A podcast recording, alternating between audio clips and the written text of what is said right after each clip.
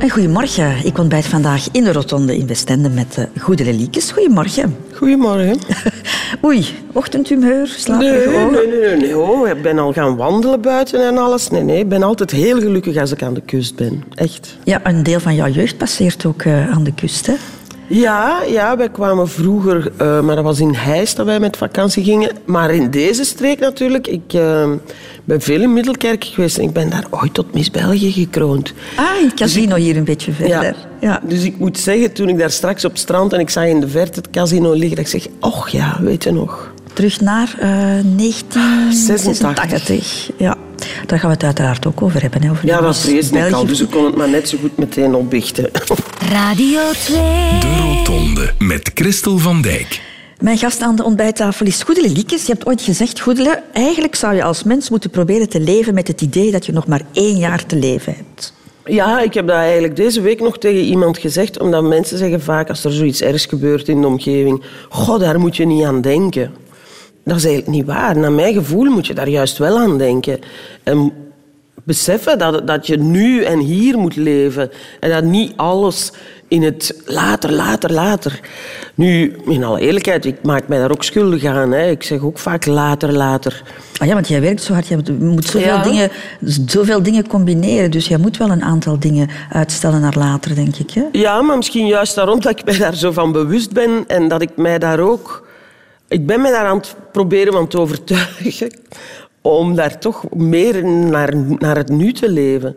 En ik heb mij heel goed voorgenomen om dit jaar ehm, ja, de dingen te doen die ik graag doe, wat ik voor een groot deel sowieso altijd al gedaan heb, maar toch ook een aantal zaken af te stoten die ik ook wel graag doe, maar die, die te veel zijn gewoon. Ik voel dat, dat ik te veel op mijn tandvlees ga lopen anders. Maar heb je tijd genoeg om na te denken over beslissingen?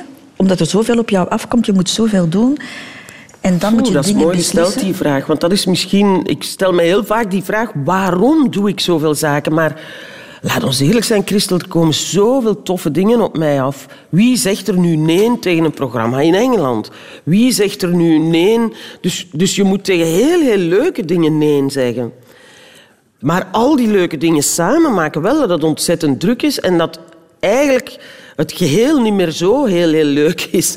Dus zou ik moeten de kracht en de sterkte vinden om toch ook tegen een aantal, een aantal van die plezante dingen ertussenuit te halen en te zorgen dat ik ja, ook meer kan genieten dan toch ook van die paar dingen die ik dan wel doe. We gaan de keuzes die jij gemaakt hebt in jouw leven eens overlopen. De Ai, afslagen. ik ben zo slecht jou. in keuzes maken. Is het waar? Ja, Maar je hebt er nogthans heel veel gemaakt. Maar goed, we gaan ze straks even overlopen. Niet allemaal, want het zijn er gewoon veel Ja, te is veel. Hè? Zo is het. Hè? Maar we gaan eerst even ehm, iets aan jouw Wikipedia-pagina doen. De Wikipedia-pagina, uiteraard, op het internet. En daar lezen we onder meer dit. Goedele Maria Gertrude Liekes, aardschot 21 januari 1963, is een Vlaams psycholoog en seksuoloog. De voormalige Miss België en thans goodwill-ambassadeur van de VN is bekend van haar televisiewerk, waar ze makkelijk praat en laat praten over ongemakkelijke onderwerpen. Ja, dat is een deel van jouw Wikipedia-pagina. Maar ja, het gaat eigenlijk over de periode dat je bekend was of geworden bent. Maar je bent ook uiteraard een heel gewoon meisje geweest. Eh, een tiener. Ik? eh, in, in Begijnendijk. Hoewel, zo Ik ben gewoon- nog een heel gewoon meisje, hè? Maar toch niet zo gewoon, denk ik. Want we hebben jouw Wikipedia-pagina een beetje aangepast. Han Koeken heeft daarvoor gezorgd. Goedele Liekes is geboren te Aarschot op 21 januari 1963 als middelste van vijf dochters.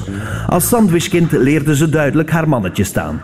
Klasgenoot en jeugdvriendin Hilde Verbrugge onthult. Sowieso was de rebel eh, van de klas, toch was het plezante van de klas en die van alles uitstak. Anne Wouters, een andere klasgenoot, bevestigt dit volmondig. Rechtuit, recht aan. Hè. Ehm, ze dreef wel, wel spreken in de klas. En als ze mee niet akkoord was, ehm, dan eh, stak ze haar vinger wel omhoog en dan zei ze wel haar gedacht. Dat was eigenlijk een heel eerlijk persoon. De rechtuit en felgebekte Goedele was ook populair. Niet enkel op school, maar ook in de jeugdbeweging vergaarde ze een meute vriendinnen rond zich. De Klik Liekens was berucht om haar girostreken, verklapt haar één jaar oudere zus Anne. Bijvoorbeeld nachtelijke avonturen als stiekem gaan zwemmen Of iemand opsluiten op de toiletten. Avontuurlijke Goedele was geen doetje, maar een leidersfiguur. Ook bij haar favoriete hobby was het te merken, weet zus Anne. Goedelen en ik hebben ook altijd uh, samen gevoetbald in een meisjesploeg in een jeugdhuis van Begijnendijk. En dan was zij de spits en ik de verdediger. Een haantje de voorste dus. Ook op gebied van mode gaf Goedele haar omgeving soms het nakijken. Terwijl wij allemaal nog in een jeans en een blauwe t-shirt rondliepen, kwam Goedele altijd al met iets speciaals naar buiten. Bijvoorbeeld met een fel geruite broek of een, een lange wollen pul. En dan dachten wij allemaal, oh jee, hoe durft ze daar nu mee buiten komen? Ook haar jeugdvriendin Hilde Verbrugge keek soms raar op van Goedeles vestimentaire strapatsen. Goedele die kwam dan op een dag aan in school met een knaloranje skinny jeans. Zo. Moeder en vader Liekens probeerden het tij nog te keren door Goedele op internaat te steken bij de nonnetjes. En daar was het allerminst modebewust, getuigt Ann Wouters. Uniform moesten we niet dragen, we moesten een schort dragen. Zo'n lelijke bruine schort, dat je van achter moest toeknopen, ja, met twee zakken. En niet alleen de kledingsvoorschriften waren streng. Ja, het was heel streng, hè, want we moesten morgens nog gaan op ons knieën bidden voor ons bed. Maar de Heer Jezus zou Goedele niet in het gareel kunnen houden. Integendeel. Goedele studeerde met succes psychologie en seksuologie en nog tijdens haar studies werd ze de mooiste vrouw van België. En zoals het de Miss België betaamt, ambieerde ze een carrière in de media. En de rest is history. Een stukje jeugd dat passeert. Skinny oranje jeans. Hè?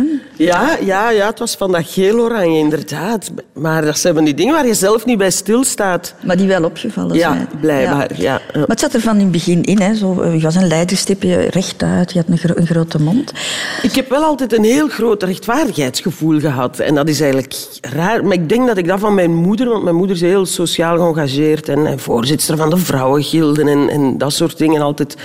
En, en ik weet dat ik in de lagere school al een staking heb georganiseerd, een zitstaking op de speelplaats, omdat de turnjuffrouw zich heel gemeen gedroeg naar, naar een meisje bij ons in de klas, een zwaarlijvig meisje, een beetje die niet over de bok kon. En die werd eigenlijk echt iedere keer voor schut gezet. En toen heb ik uit, uit een soort vrevel toch een, een staking georganiseerd. ik was negen jaar oud. Negen jaar Ah, oud. ja, ja. Dus, dus dat, dat is een, een raar aangeboren iets, toch zo? Mhm. En dat, die lijn heb je doorgetrokken. Ja, daar, ik kan nog altijd heel slecht tegen eh, onrechtvaardigheid.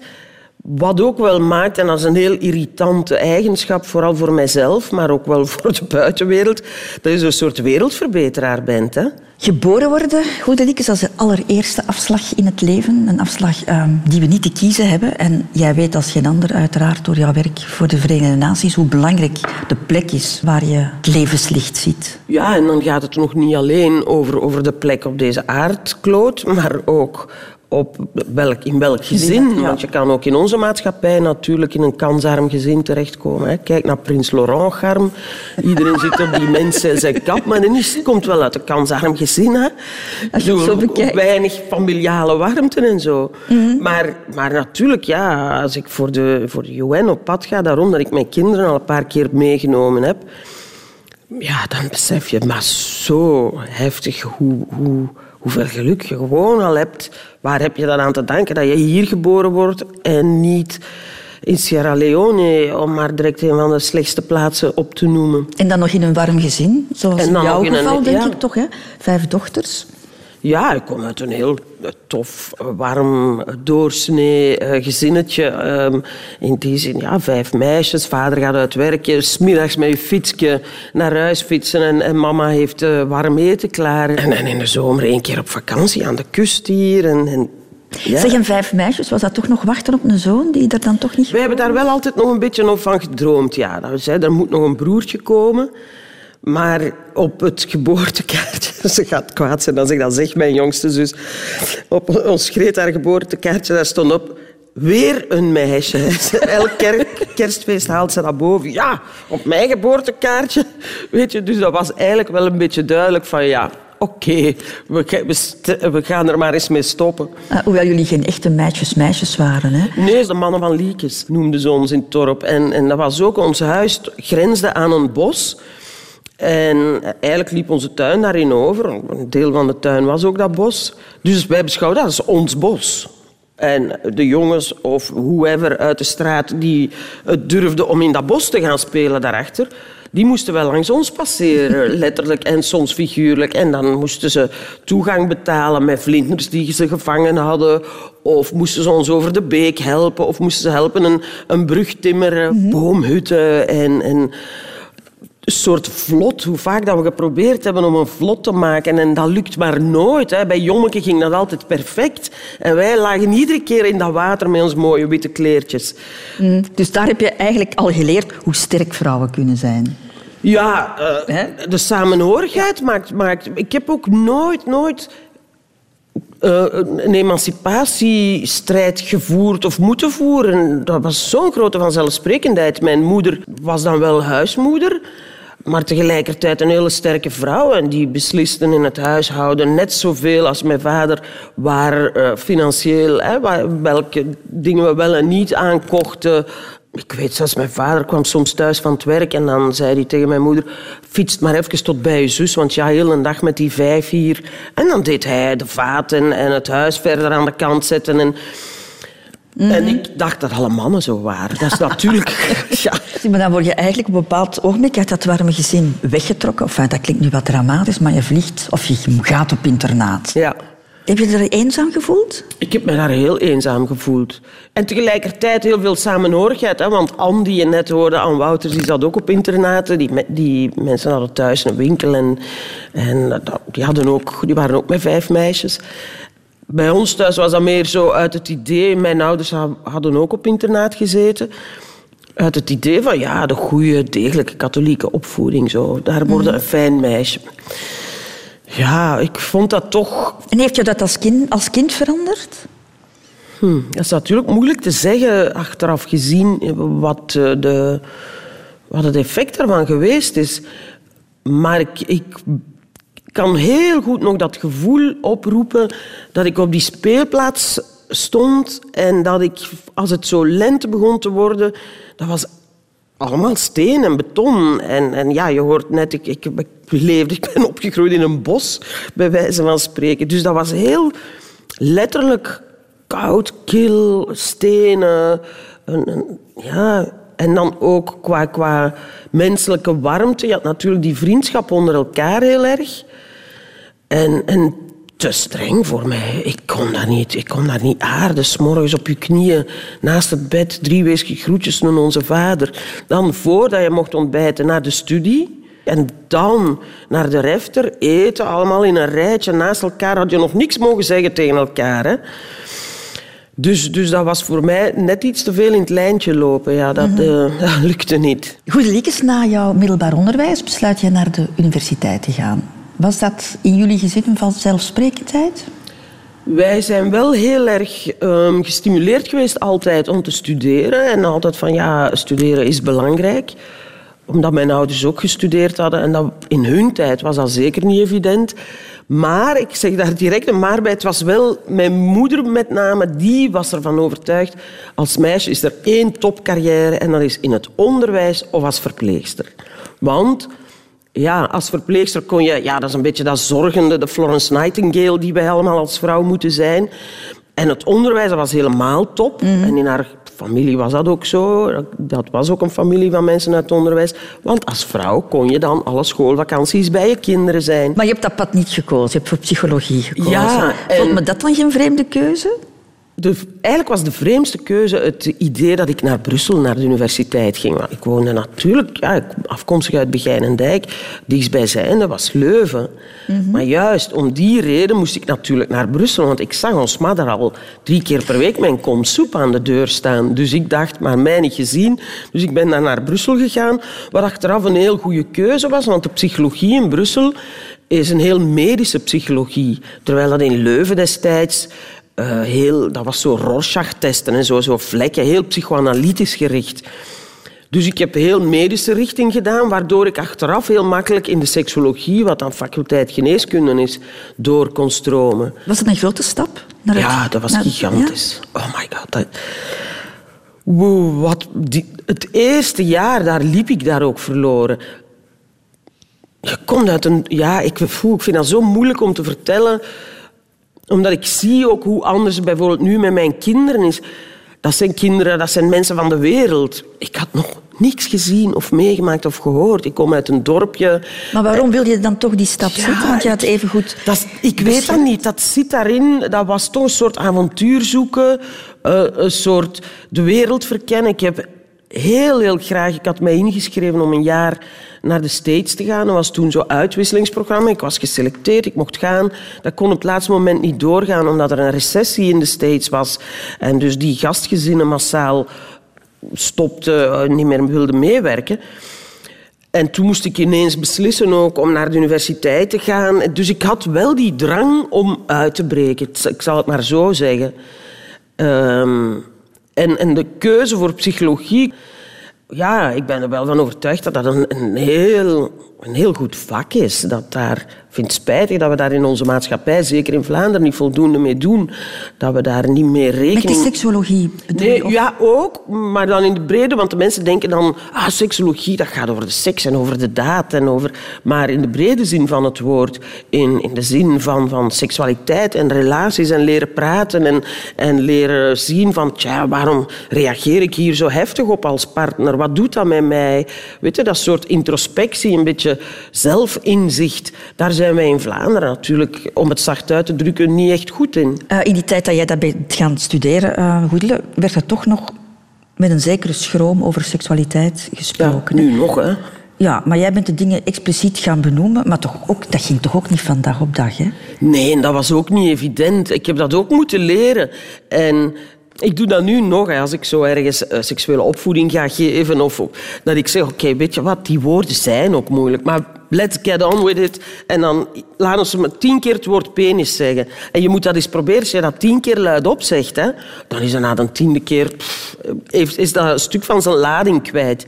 En dan kan je daar al makkelijker over praten. En dus bij mij, doordat ik dat zo vaak moet doen ja, is dat een stuk zijn lading kwijt en praat ik daar makkelijker over. Maar datzelfde bij een gynaecoloog of bij een uroloog. Hè? Die zegt ook niet daar beneden. Laat ons eens kijken, daar beneden. Bedoelt hij dan nu een dikke teen of wat? Dus ik bedoel maar, die moeten ook een heel direct en duidelijk taalgebruik gebruiken. En bij mij is het dan nog zo, omdat ik veel in de voorlichting en zo zit, dat je woorden moet gebruiken. Ja, ik, ik- frenulum, ehm, wat is dat? Ja, dat is dat huidtoompje hè, waarmee de vooruit aan de eik. Dus, dus dat soort, je moet ook leren woordenschat gebruiken die voor iedereen verstaanbaar is. En dat is een beetje mijn specialiteit geworden, toch? Ja, tot eh, zelfs in Engeland toe, hè, Ja. waar jij sekslessen moet gaan geven. Dat is nog iets dat ik nog altijd niet begrijp. Dat ze in Engeland een Vlaamse seksuoloog nodig hebben. Misschien, Christel, ben ik wel zo heel Ja, goed. allicht, allicht ook. Ja, ik weet ook niet hoe dat, dat gegroeid of ontstaan is. Ze hebben mij gevraagd en, en ik, heb daar, eh, ik heb in eerste instantie, ook omdat ik het zelf niet begreep en zelfs niet geloofde, want ik heb op die mails niet geantwoord. Dus die mensen hebben vier mails gestuurd van zeg, eh, we would like to make a TV-program. Huh? TV-programma met mij? Yeah, right. Ik dacht, maar hier zijn ze met mijn voeten aan het spelen. Die sukkels van Jonas en van Geel en zo, die gaan mij er hier niet in lappen. Hè. Ik dacht echt dat het een soort verborgen cameraprogramma was.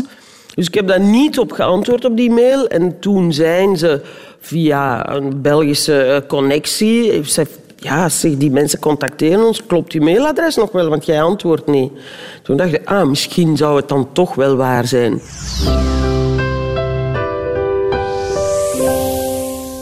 Goede Liekes, als je bekijkt wat voor gevolgen het gehad heeft, is het waarschijnlijk een van eh, de meest belangrijke keuzes die je hebt gemaakt in jouw leven. Maar ik vind het tegelijkertijd ook ja, de meest vreemde, de, de meest atypische beslissing die je ooit genomen hebt. De misverkiezing. Ja. ja. Als, als ik daar achteraf op terugkijk, is dat inderdaad een, een heel ingrijpend iets geweest, ook qua effect. Eh, mijn zus had mij ingeschreven.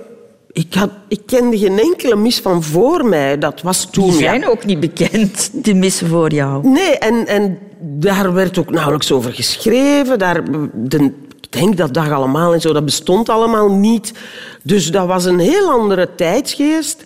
Er komt een brief thuis. Mijn zus had mij ingeschreven, eigenlijk vanuit het idee een hele mooie foto die haar, toen, een vriend van haar toen gemaakt had op het huwelijk van mijn andere zus. Zo van, wauw, wij hebben hier de mooiste foto, wij gaan hier winnen. En, en enfin, daar dan ingerold. Maar ja, ik, doe, ik beslis wel om daar naartoe te gaan. Ik doe die een brief open en zij zit te gibberen in de zetel. En wij gaan daar wel samen naartoe. Maar we zijn ongeveer van dezelfde leeftijd, Goedele. Ehm, ik heb niet de indruk of, dat wij in die tijd, ik zelf toch niet, mijn vriendinnen ook niet, wij waren ons niet bewust van onze vrouwelijkheid. Nee, wij zijn daar naartoe gegaan, naar eh, eh, het Astoria Hotel in Brussel. Dat was al een hele belevenis. Op die brief stond dat je, moest toeko- dat je een badpak moest meebrengen. Ja, ik had een, een speedo bij, zo'n blauwe met wit lijntje hier opzij. Want dat was voor ons een badpak. Dus inderdaad niet die vrouwelijkheid. Maar dan denk ik toch dat dat Christel een beetje aan onze achtergrond lag. Want ik kwam daartoe in het hotel en daar waren meisjes die wel heel goed bewust waren van hun vrouwelijkheid. Die prachtige glitterbadpakjes met hoge uitsneden. En ik stond daar met mijn speedoken tussen. En vond eh, jij jezelf mooi toen? Nee, nee, nee. En daarom ook... Niemand heeft dat ook, die, die twintig andere meisjes... Niemand heeft toen ook gedacht dat ik dat zou winnen. Ik was een beetje de vreemde eend in de bijt. Ik was nooit model geweest. Ik, ik wist ook niet hoe ik mij moest schminken. En, en zij deden dat dan voor mij, dus dat was wel heel plezant. Zo van, kom, we gaan u een keer optutten, want hoe loopt het er hier weer bij? Eh, zij leende kleding aan mij, dus ik was echt zo'n beetje...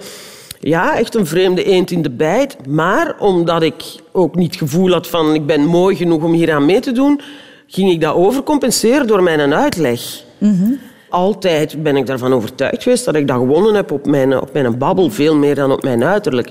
Het is moeilijk om te zeggen natuurlijk, als je erop terugkijkt, van, zou ik dat opnieuw doen? Ik zou dat zeker opnieuw doen. Niet in deze tijdgeest, omdat nu, ja, Miss België-verkiezing bedoel, dat is ook niet meer zo nodig.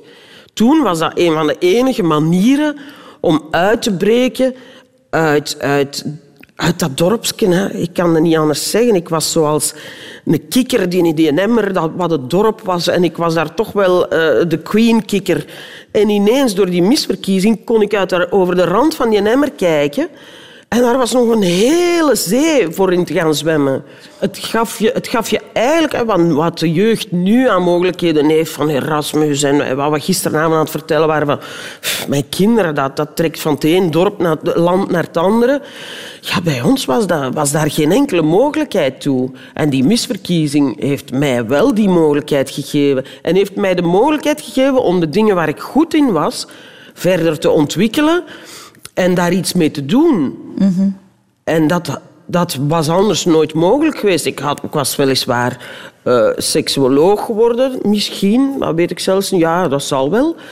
Ehm, en dan had ik ergens een, een job gedaan, maar dan had ik misschien niet die job gedaan zoals ik dat nu doe om die boodschap naar buiten te brengen. Dus eigenlijk is dat een, een soort, heeft mij dat de mogelijkheid gegeven ja, om, om mijn talenten te ontwikkelen. En mijn talent lag niet in, de, in de, de schoonheid. Dus ik ben ook nooit nadien die modellenwereld ingetrokken. Dat ging ook niet. Ik heb een paar keer moeten de modeshow lopen. Dat was echt hilarisch. Hoezo? Ik kon daar niet tegen. Pas op, want ik zie je al lachen denken dat ik niet in die kleren kon. Dat ging perfect, hè, Christel. Maar... Nee, daar heb ik het niet over. Maar... Nee, weet je wat het ergste was? Ik kon niet zwijgen. Ik liep op die catwalk en ik was tegen de mensen die, naast, die daarnaast zaten... Ja, dat zit hier wel goed, maar ik moest een beetje trekken aan dat ritsje, maar zie je, dat zit hier... Ja, dat broekje, echt waar, madame, dat is... Maar... Dus ik was al constant aan het babbelen tegen die mensen, terwijl een model... Hè, je moet, die, moeten zo, die mogen zelfs niet lachen. Ik voelde mij ook, ik ben daar te verlegen voor. Hè. Ik durf niet op het podium komen. Hè. Dat gelooft niemand, hè? ja, het is nogthans zo. Televisie, geen probleem. Maar als er publiek bij zit, begint het al, al wat moeilijker te worden. Maar zo in een zaal het podium oplopen. Met een wik, goedenavond allemaal. En, oh, ik sterf duizend doden. Echt waar. Goed, Liekes, een jaar nadat je Miss België geworden bent, kwam je al op televisie. In Nederland dan nog wel. Wij keken daar naar op, hè. In de jaren 80, VTM bestond toen nog niet. 87 ben jij begonnen in Nederland. Ongelooflijk, Ja. toch? 25 jaar. Maar wat het hele leuke daaraan was, is Achteraf gezien natuurlijk is dat die Hollanders dat natuurlijk heel serieus namen en dat die mij heel intensief dus op interviewcursus hebben gestuurd. Bij, eh, bij de NOS was dat toen, werd dat gegeven. Samen met mensen die... Ik heb daar in het klasje gezeten met echt grote namen. Met, met Robert ten Brink. Ik weet niet, in Nederland zijn dat heel grote namen. Umberto, Umberto Tan. En dan in 89 is het de start van VTM en jij bent er eigenlijk vrij snel bij, samen met Urbanus en Werther van de Sarre. Uh, wie ben ik? En meer moet dat niet zijn. En jij groeit op korte tijd uit tot echt een ster. Ja, pas op. Dat, dat, daar zitten toch een paar uh, pieken en dalen nog tussen die, die mensen gelukkig vergeten zijn. Maar ik ben bijvoorbeeld, na wie ben ik, uh, een tijd lang op non-actief gezet door VTM omdat de vraag was toen gesteld of ik omroepster wilde worden. En dat zag ik niet zitten. Ik vond dat niet passen bij mij. En dan was er de vraag voor een talkshow gesteld. En dan moest ik die maken met een bepaald productiehuis. Maar ik had toen een, een, man die bij een ander productiehuis werkte. Dus ik wilde daar... Want ik keek uiteraard op naar mijn man. Dus ik dan ben jij drie jaar eigenlijk een beetje uit de picture voilà, geweest. Voilà. Omdat, omdat maar dat was ik... een vrijwillige keuze dan toch? Nee, dat was een beetje een, een koppige keuze. Omdat ik nu één, nu geen omroepster wilde worden. En twee, niet bij dat specifieke productiehuis een talkshow wilde gaan opstarten. Omdat ik die wilde maken met het productiebedrijf. En met name met mijn man toen. Dat ik zeg, ja, ik wil intensief met hem samenwerken. Want uiteraard was ik ervan overtuigd dat hij dat uh, beter zou kunnen dan wie ook. Dus dat, en dan, ik dacht dat dat een dreigement was van, ja, maar als je het niet met die doet, dan gaat het niet door. Ik zeg, ja, dan gaat het niet door. Hè. En dus voilà, het ging niet door. Natuurlijk, achteraf gezien, dan na, na die drie jaar uh, mocht ik dat wel. Ik denk, dan ben ik terug in, dan ben ik in Nederland ook radio en zo gaan maken. En, en heb ik daar weer heel veel bij geleerd. En dan na zoveel jaar hebben ze dan toch, of was er weer een andere directie zeker, en dan was toch ineens het idee van Goedele mag dan toch die talkshow gaan doen met het productiehuis van haar man. Maar heb je ooit gedacht van, nu is het echt afgelopen? Ja. Ik heb hier uh, een beetje te koppig geweest en, en, en, en het is gedaan? Ja, nee, nooit vanuit een, een negatief gevoel, maar wel van oké, okay, nu ga ik weer een andere job doen. Uh, je vond ja. dat niet zo erg? Nee, nee. Ik, ik, uh, daar zijn zoveel toffe jobs te doen vanuit mijn, vanuit mijn vak. Ik had ondertussen een diploma en psychologie en seksuologie.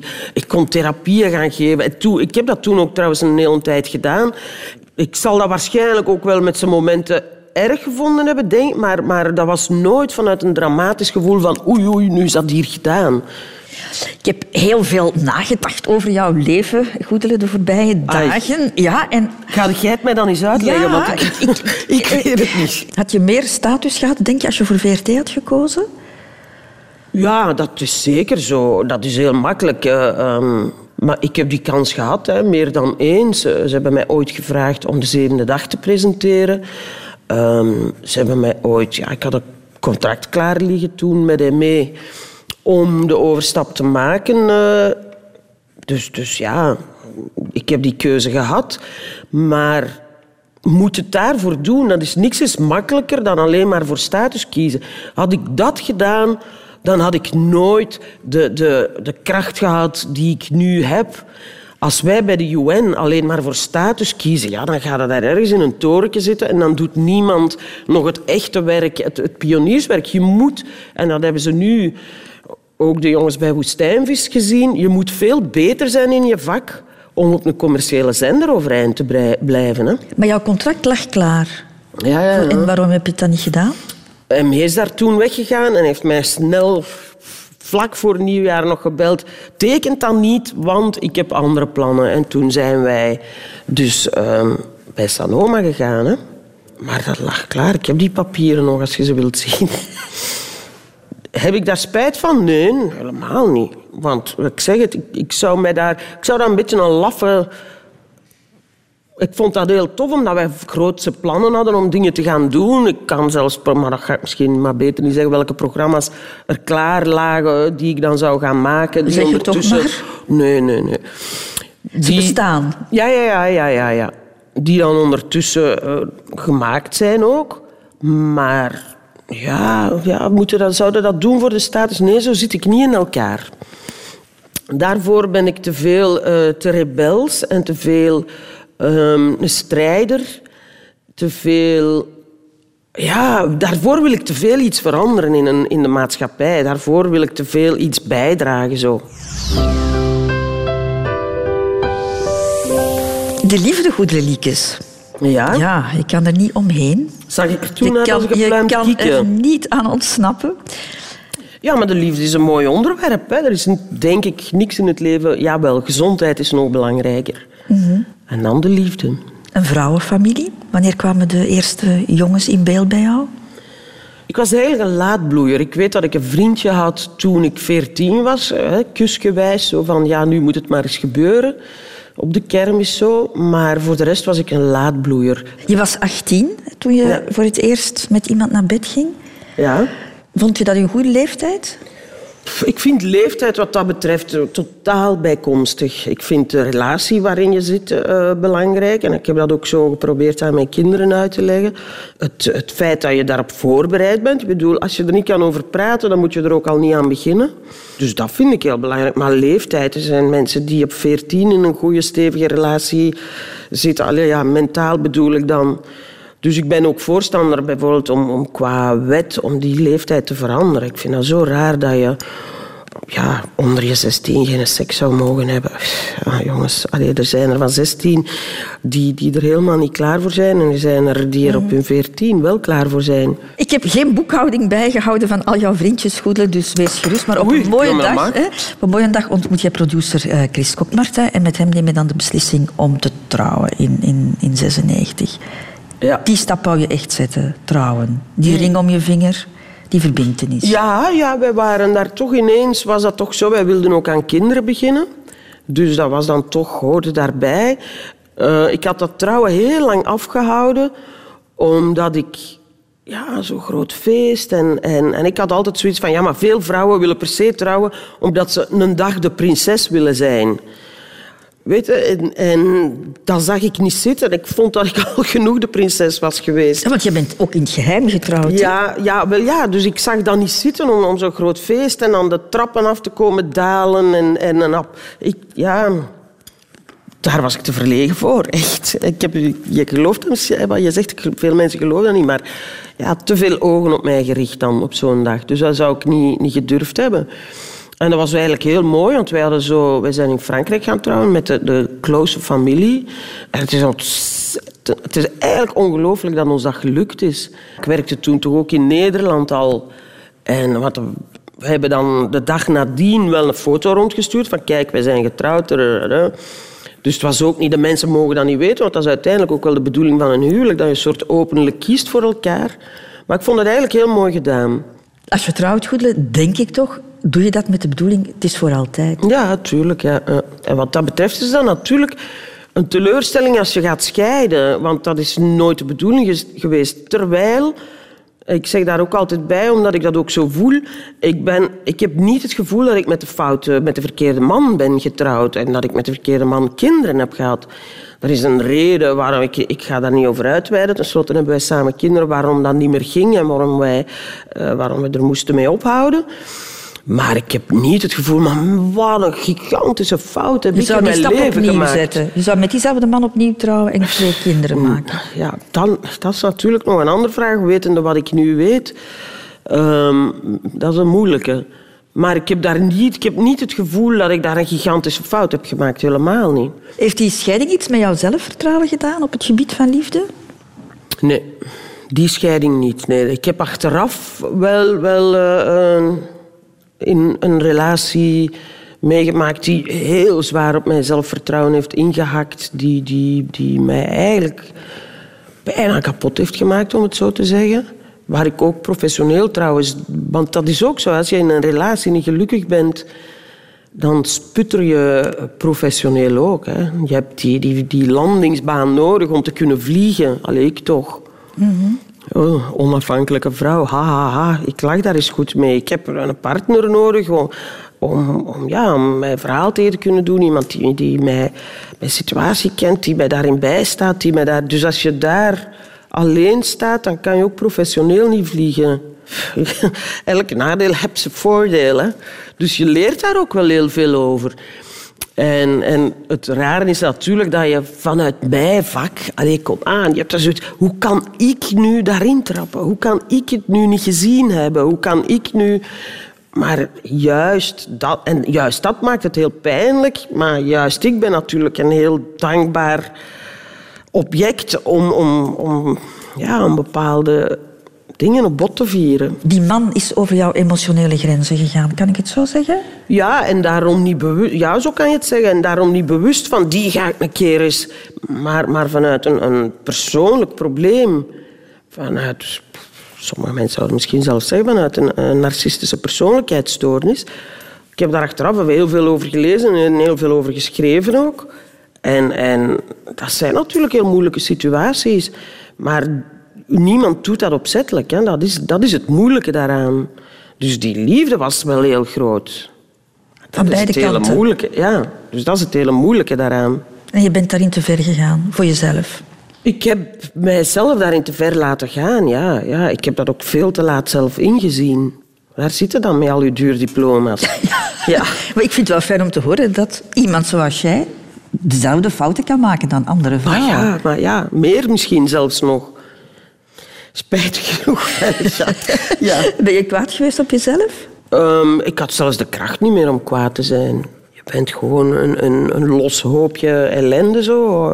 Zou het jou nog kunnen overkomen? Eigenlijk is dat heel erg dat ik niet binnen de seconde nee roep. Hè. want, want, want ik denk het niet. Ik denk het niet, maar ik weet het niet.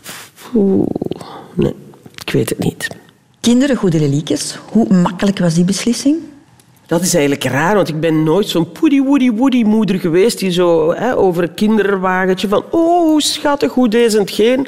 En toch had ik op een bepaald moment een, een grote kinderwens. Dat ging niet van een leien dakje. Bij Merel heb ik, wat, heb ik eh, inseminaties nodig gehad. Bij de tweede was ik ineens spontaan zwanger, waardoor ik ook al vier maanden zwanger was zonder dat ik het door had. Dat is straf eigenlijk, Ja, hè? ja dat hoor je Komt vaker. zoiets, hè. hè? Ja. Ja. Maar, en dan bij Merel, ja, ik was zwanger en, en ook toen had ik dan nog niet zo van... Oeh, ik had een bewegende vetrol, maar ik had totaal niet iets met dat, dat ding in mijn buik, want dat was niks. En dat is zo raar hoe de natuur dat geregeld heeft. Dat kind wordt geboren, ik heb die in mijn armen gepakt en ik heb die niet meer losgelaten. Die heeft in het moederhuis dag en nacht bij mij in bed gelegen. Nadien thuis, dag en nacht bij mij. Ik heb die niet meer losgelaten. En ze zeiden natuurlijk, ja, je gaat die te veel verwennen en zo. Wat ook gebeurd is. Die, allee, ik zeg dat dikwijls tegen haar. Zie je wel wat er van komt, Merel? Ik heb u te veel verwend, hè, van toen af aan. Ik, ben, eh, ik liep thuis door het huis. Ik had zo'n draagzak gekocht. En die lag constant op mijn buik. Ook omdat ze anders... nog- Dat we die, die kon behoorlijk een beetje huilen, Merel. Die sliep heel moeilijk ook. Maar, maar hoe de natuur dat regelt, dat je zoiets hebt... Kijk, nu, bij mij. mij, ja, je- En ja, dat is heel, heel, heel heftig toch zo. Maar je hebt het toch wel losgelaten op een bepaald moment, want je bent dan opnieuw gaan werken. En even hard als voordien. Ja, maar ik toch, als ik daar nu op terugkijk, ik weet niet hoe ik dat deed, maar ik was veel beter georganiseerd naar mijn gevoel. Eh, het was natuurlijk ook een andere manier van werken. In het begin, toen Merel en, en Celeste, want ja, daar, daar zit maar iets meer dan een jaar tussen, toen die klein waren, deed ik programma's. Weet je, dat was zo een opnameweek. Was dat, eh, deden we drie- een, een dag opnemen, een dag terug redactie, opnemen, redactie. Dus, dus de- dat was een heel heftige week, maar daarna was ik dan bijvoorbeeld drie weken, had ik wel vergaderingen en zo, maar was ik er s'avonds en zelfs heel veel vergaderingen thuis. Ik heb thuis zitten vergaderen terwijl ik borstvoeding gaf. Met mijn rug naar de mensen, hè, want...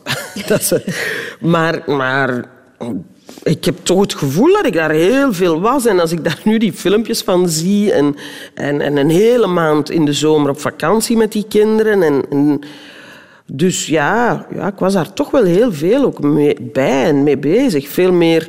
Ik had toen meer tijd dan nu. Ja, was jonger ook uiteraard. Meer energie waarschijnlijk ook. Nee? Ja, ja, ik denk toch ook dat, dat... Natuurlijk, ik werkte toen niet in het buitenland. Toen ben ik gestopt. Ik heb gewerkt in Nederland Ik zeg altijd tot ik 8 centimeter opening had, maar ik werkte toen ook in Nederland. De mensen denken dat ik nu in Nederland begonnen ben, maar ik heb gewerkt tot ik bevallen ben van Merel. En natuurlijk was het de bedoeling om terug te beginnen, maar ja, dat doe je niet meer. Je Dat heb je doet- dan bewust niet meer gedaan. Dus je gaat niet, je laat zo'n babytje geen nacht bij een oppas. Dat is raar, hè? Of raar, ja. Iedereen die moeder is zal zeggen, nee, natuurlijk niet. Maar voor ik bevallen was, ging ik daarvan uit. En ja, dat programma, we zouden even stoppen en daarna terug beginnen. En eh, dat ging niet meer. Ik kon dat kindje niet, eh, niet achterlaten. Dus toen ben ik in België eh, vol een bak beginnen werken.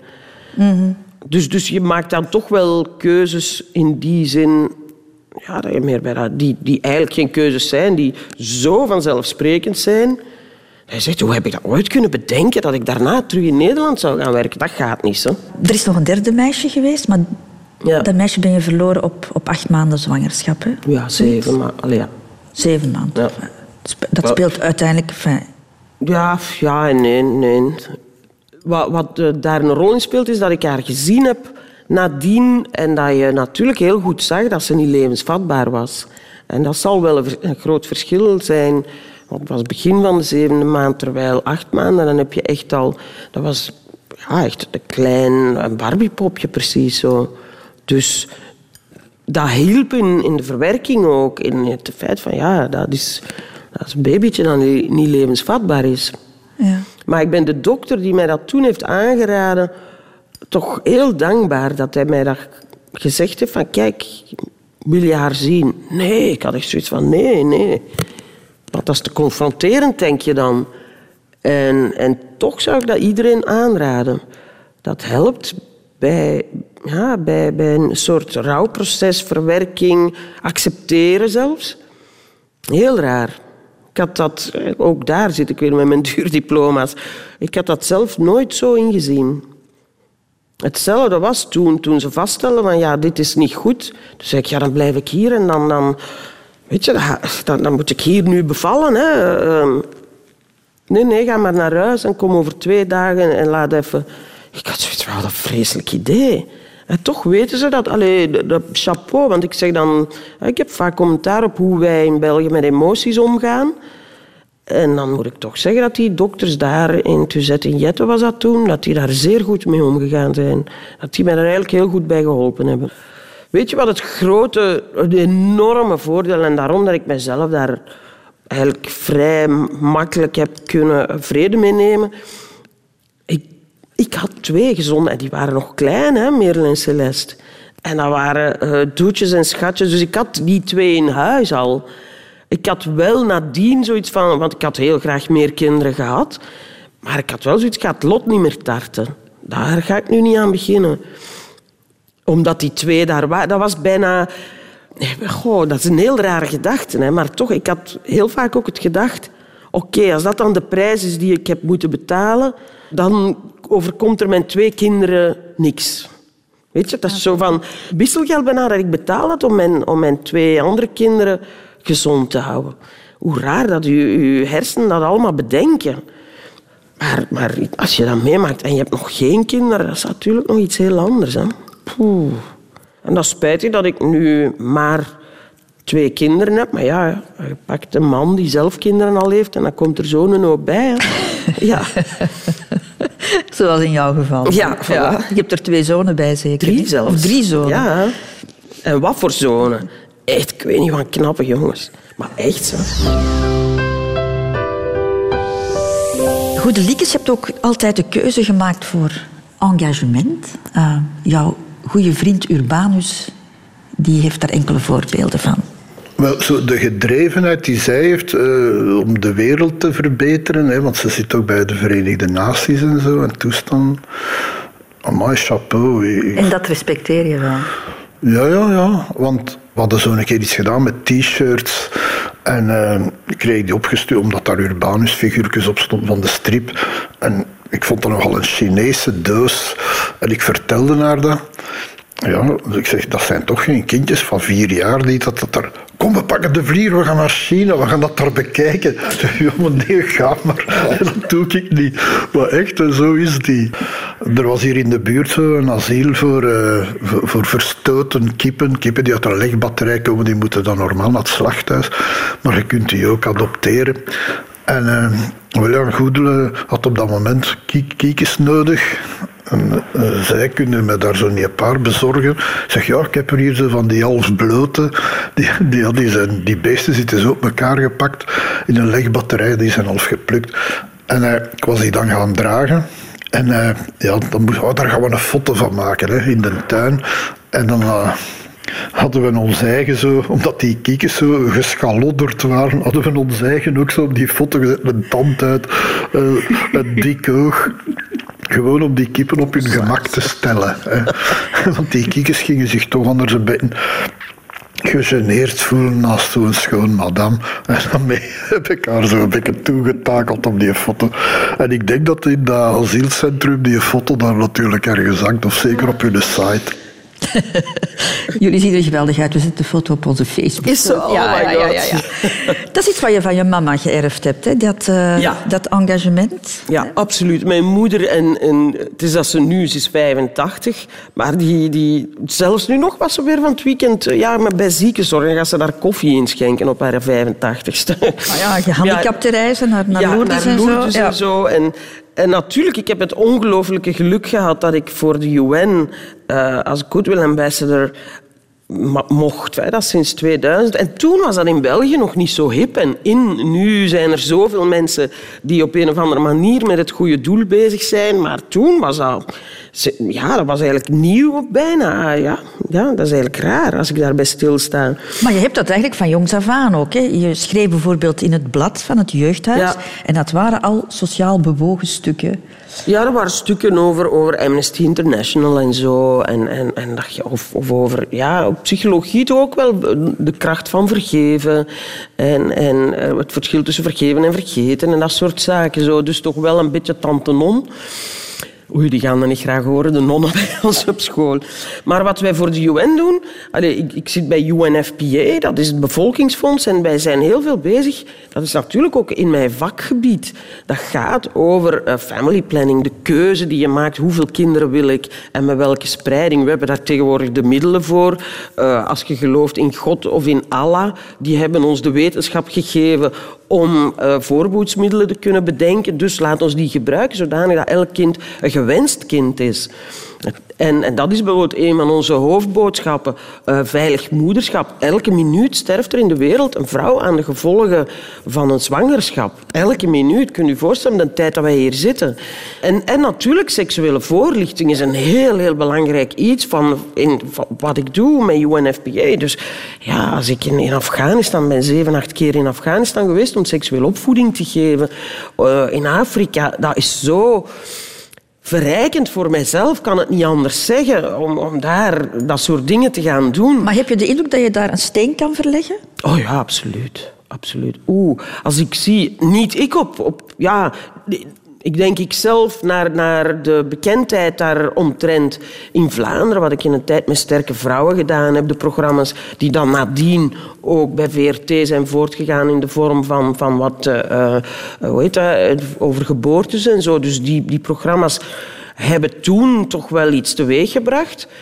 Um, dat, maar wat wij met UNFPA, maar jongens, dat is gigantisch. En dat is zo mooi om te zien hoe, hoe je eigenlijk, en dat hoeft niet allemaal ontzettend veel geld te kosten, maar bijvoorbeeld tegen vrouwenbesnijdenis, hoe we daar grote successen oogsten als je tenminste de juiste aanpak hebt van en, en, en, en, en is zowel de, de, de wettelijke, het wettelijke verbod, maar ja, in ergens Gindrachtigstan in Ethiopië aan de grens gaan ze daar, trekken ze daar niks van aan. Dus dan moet je die oude wijzen in zo'n dorp gaan overtuigen. Je moet seksuele opvoeding in die scholen geven. En je moet, en dat is een heel belangrijke, de, de vrouwen die die besnijdenissen gingen uitvoeren, die moet je heropleiden, zodat die vroedvrouw bijvoorbeeld kunnen worden, zodanig dat die dus toch nog status hebben. Wel nog een rondtrekkende job zoals ze vroeger deden, trokken die rond om besnijdenis te gaan uitvoeren. Nu doen die hetzelfde om uh, uh, bevallingen te gaan uitvoeren. Dus die hebben die status, die hebben hun job. En die zijn er ondertussen mee van overtuigd dat die besnijdenissen voor niks goed zijn. Wel in tegendeel, hè, want we weten hoeveel slachtoffers dat, dat per jaar maakt. Hoe kom jij terug van die reizen? Want je Eh, zit heel veel in Afrika, toch? Ja. Ik kom aan die reizen terug niet van, oh, het is allemaal zo kommer en kwel. Nee, wel in tegendeel van, wauw, we kunnen zoveel doen, laat ons nog meer doen. En, en dat, dat heb ik eigenlijk. Als ik nu iets zou nog willen doen, is het toch ook iets meer nog in die richting. Daar, als je ziet bijvoorbeeld het effect van seksuele opvoeding op zo'n gemeenschap, dat is onvoorstelbaar. Wat je daar kan teweegbrengen door gewoon een goede, degelijke seksuele opvoeding, eh, relationele opvoeding. Wij geven bijvoorbeeld in Oeganda met UNFPA eh, eh, opvoeding aan mannen. Die dan, want je hebt natuurlijk een beetje die, die, die cultuur nog van macho en, en, en hoe, die mannen, hoe je die mannen kan betrekken bij, bij het opvoeden van kindjes. En, en, en dat is zo dank, die mannen zijn daar heel dankbaar voor. Dus daar zijn zoveel plezante dingen te doen. Je moet eens meegaan. Wel, Ja, misschien moeten we dat eens doen. Zeg maar, hoe dat je het ook draait of keert, beste Goedele, 100 jaar geleden had je toch een tante nonneke geweest. Ja. Heel zeker van. Ergens in Afrika. Absoluut, ja. Ik weet niet of de congregatie daar zo gelukkig zou mee geweest zijn met elk facet van mijn gedrag, maar absoluut. De allerlaatste afslag, al goede liedjes. Dat is ook een afslag waar jij niet onderuit kan, zoals niemand van ons uiteraard. Dat is doodgaan. Ik ben eigenlijk niet zo... Goh, dat durf ik... Ben ik bang van de dood? Ik wil niet doodgaan. Hè. Ik vind het leven zo leuk. Eh, ik zeg het altijd tegen mijn kinderen, die zitten mij altijd zo... eh, Ja, mama, maar dat is toch niks voor oude vrouwen als jij die blauwe nagellak... Weet je, dat soort dingen. Ik zeg, ja, schatje, ik wil doodgaan. Hè. Dan wordt uw mama niet oud. Hè. Dat want het is dat. Iedereen wil oud worden, maar niemand wil oud zijn. Ja, dat gaat natuurlijk niet. Ehm, Maar we kunnen zeggen dat jij al over de helft zit, hè? Ehm, ja, dat zal toch maar een juiste zijn. toch? Is het waar? Ik kom uit een heel sterk geslacht. Tot spijt van wie het benijdt, direct zijn ze van mij niet vanaf. Mijn vader is 86, mijn moeder 85. Die mensen fietsen, wandelen, eh, zorgen voor de kleinkinderen, zetten hun kerstboom op. Mijn vader schildert zijn garage helemaal. Dus dat komt toch direct niet goed eh, eh, voor die die willen dat ik er snel tussenuit knijp. Dus als er niks eigenaardig gebeurt, dan, dan ben ik misschien net over de helft. Ja, als dat nog eens zo'n helft is, nee, dat zou oneerlijk zijn. Dat is te gulzig. Maar het is niks dat jou schrik aanjaagt. Ik, ik, het lijkt mij vreselijk om uw kinderen te moeten achterlaten. Net zoals het mij vreselijk lijkt om uw ouders te verliezen. Maar tegelijkertijd beseffen, ja, maar ik wil mijn ouders ook niet die pijn aandoen van een kind. Of als ik nu eerst sterf, ja, dan hoef ik niet de pijn te zien van mijn ouders te verliezen. Maar ja, je weet dat uw ouders daar heel veel pijn van gaan hebben. Dus dat is, dat is zo'n, zo'n iets waar je je misschien maar moet mee troosten op dat moment.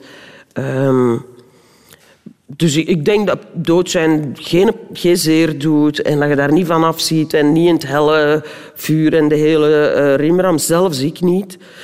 Zelfs ik ga niet in het helle vuur en in de helle branden. Maar, maar, maar ja, ik leef te graag natuurlijk. En tegelijkertijd voel ik mij daar heel vaak schuldig over. Want wat ik allemaal gekregen heb van het leven... Ik heb het zo gulzig veel gekregen en genomen. En, en ik heb eigenlijk drie levens tegelijk geleefd. Dus eigenlijk ben ik al 150. Als je alles optelt... Maar dan ik- hoef je je toch niet schuldig om te voelen. Het is een keuze die je zelf gemaakt hebt. Hè? Je hebt alle kansen Ja, gegeven maar- die je gekregen hebt. Dus... Ja, maar je krijgt ze toch maar, hè, die kansen. Of je En je verdient. krijgt ook de, de, eh, de capaciteiten om die keuzes te kunnen maken. Dus ik... Ja... Zie ik zou, stel dat ik nog eens zo 50 jaar... Allee, ik heb zoveel leuke dingen mogen doen. Niemand in Vlaanderen heeft zoveel mooie programma's mogen maken als ik. Dat is echt zo, zoek ze maar. Die zoveel jaren eh, in dat vak is meegedraaid en meegegaan. En nu nog daar dan dat staartje van het buitenland aan. In Engeland, in Nederland. Ehm, ja, dus qua carrière en qua, qua dingen die je daarvoor terugkrijgt. Respect en... en, en ja, fantastisch toch? Dus als jij op het einde gaat terugkijken, zal het met een gevoel van dankbaarheid zijn. Ja, eh, ehm, ik denk dat ik... Absoluut. En ik, ik zeg dat ook altijd. Dat mogen ze als titel of als, als grafschrift... Ze ligt hier tegen haar goesting. Maar ik heb dat iets te vaak in de pers gezegd... waardoor Steve, de kleine schmicht... die tekst ook op zijn graf heeft laten zetten. Steve Stevaart, Ja, bedoel je? ja. Ja, op- dat is een verschrikkelijke manier waarmee jij geconfronteerd bent hè, met afscheid nemen en, en, en dood. hè. Ja, en, en wij zeggen altijd... Toen Steve is weggegaan, want dat was natuurlijk een beetje zo. En, en dat is ook zijn keuze geweest. Dus, dus ik ga daar verder eh, niet over uitweiden. Maar moeten wij ons daar maar bij neerleggen. Maar ik bedoel maar... Ja, dat hoop ik dat ik dat niet moet meemaken. Dat ik... Hoe diep moet je zitten eer je zo'n keuze maakt? En ik heb, maak dan tegelijkertijd de bedenking... Wij zijn in België ja, zitten we in de top drie altijd van het aantal zelfmoorden. Misschien moeten we daar toch eens even bij stilstaan, hè, hoe dat zou komen. En, en misschien moeten we toch eens iets meer ja, leren over emoties praten, leren eh, naar onszelf te kijken, eh, iets minder belang hechten aan, aan uiterlijke wijsheden en iets meer aan de emotionele intelligentie. Maar als we dan even kijken naar de achterblijvers, Goedele, wat doet zoiets met de, de mensen die, die achterblijven? Ja, maar wat iedereen, of de meeste mensen die uit het leven stappen, zijn er op dat moment van overtuigd dat dat voor de achterblijvers alleen maar beter is. Dat ze die daar een plezier mee doen. En dat was bij Steve niet anders. Alle ellende is voorbij als ik er niet meer ben. Ook voor mijn nabestaanden en voor, voor, voor mijn vrienden en voor heel mijn, mijn, mijn kring, zeg maar. Ik ga die dat besparen. En dat is toch de gedachte die, die bij de meeste van die mensen overheerst. Samen met het, het idee natuurlijk van, van... En dan is voor mij ook de ellende voorbij. Heb je met een schuldgevoel gezeten achteraf? Ehm, ja, ja, tuurlijk, ja. Tegelijkertijd beseffen dat ik daar waarschijnlijk toch niks had kunnen... Jawel, ik had, ja, ik had misschien wel meer kunnen doen, ik weet het niet. Nou... Ja, ik heb daar veel met hem over gepraat. En, en eh, ehm, ja. ja, misschien had ik wel meer kunnen doen. Ja, ik weet dat niet. Ja, dat is... Ik denk dat iedereen in zijn omgeving dat wel, wel... Toch zeker die, want hij had het tegen een aantal mensen gezegd. Met name tegen de vrouwen in zijn omgeving. Die, we hebben daar met een paar achteraf over gepraat. Wat raar is, want de, mannen waar hij zelfs de weken daarvoor nog mee gaan eten was, die wisten blijkbaar van niks. En dan had hij toch tegen de vrouwen vertelde hij daarover. Dus eigenlijk... Maar, nou, ja... Ik weet dat niet. Dat zou ik nogthans als psycholoog moeten weten. Ik denk dat we veel... ehm, we veel sneller moeten ingrijpen als we daar iets willen aan veranderen. En dat je ook maatschappelijk gezien... Weet je hoe, hoe hard wij zijn? Voor elkaar, hoe gemeen en hoe hard. Kijk een keer naar de asociale media. Hoe, hoe, hoe hard we elkaar afmaken. En, en dat is overal zo, hè? in alle landen. Maar Vlaam, in Vlaanderen zijn mensen heel zuur aan het worden. Heel, eh, dus ik denk dat dat ook allemaal maatschappelijk meespeelt. Dat krijg ik op mijn eentje niet veranderd natuurlijk. Ik kan wel gaan bekijken, ja, is dat de juiste medicatie die je neemt? En, en, en stop daar niet zomaar plots mee en doe dat dit en doe dat zo. En, maar dat zijn allemaal labmiddeltjes. Terwijl heel essentieel het feit dat wij zo, nogmaals zo, wat ik al 15 jaar overal roep, laat ons, nee, die emoties zijn wel belangrijk. Nee, dat is niet minderwaardig om daar programma's over te maken. Nee, dat is niet minderwaardig om mensen die emotionele intelligentie bij te brengen. Dat stuk, onze geestesgezondheidszorg. Allee, dat is één, één ellende in Vlaanderen, die geestesgezondheidszorg.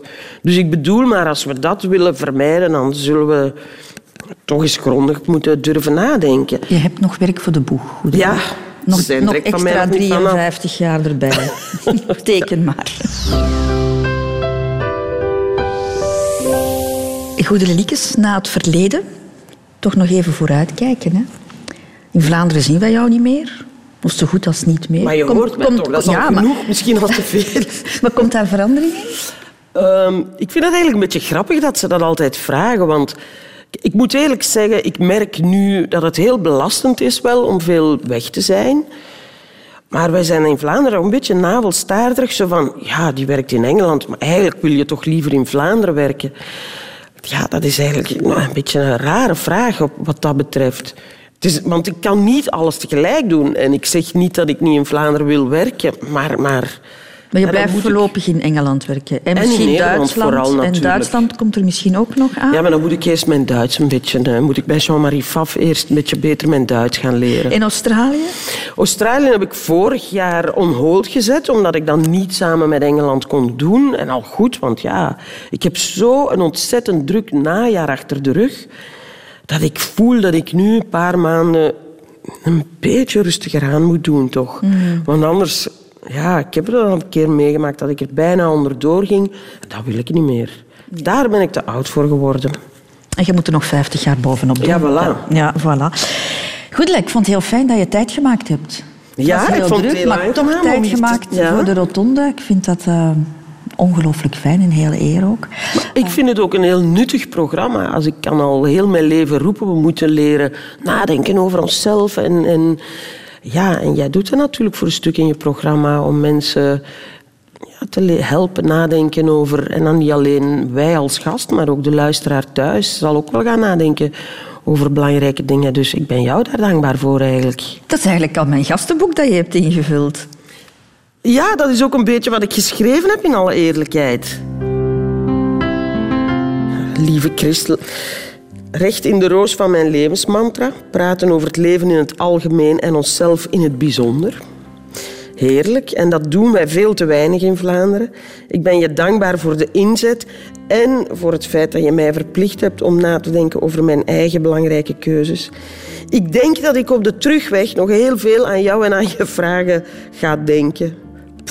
Dat is confronterend hoor. Smiley, smiley, maar wel goed. Liefs goedele.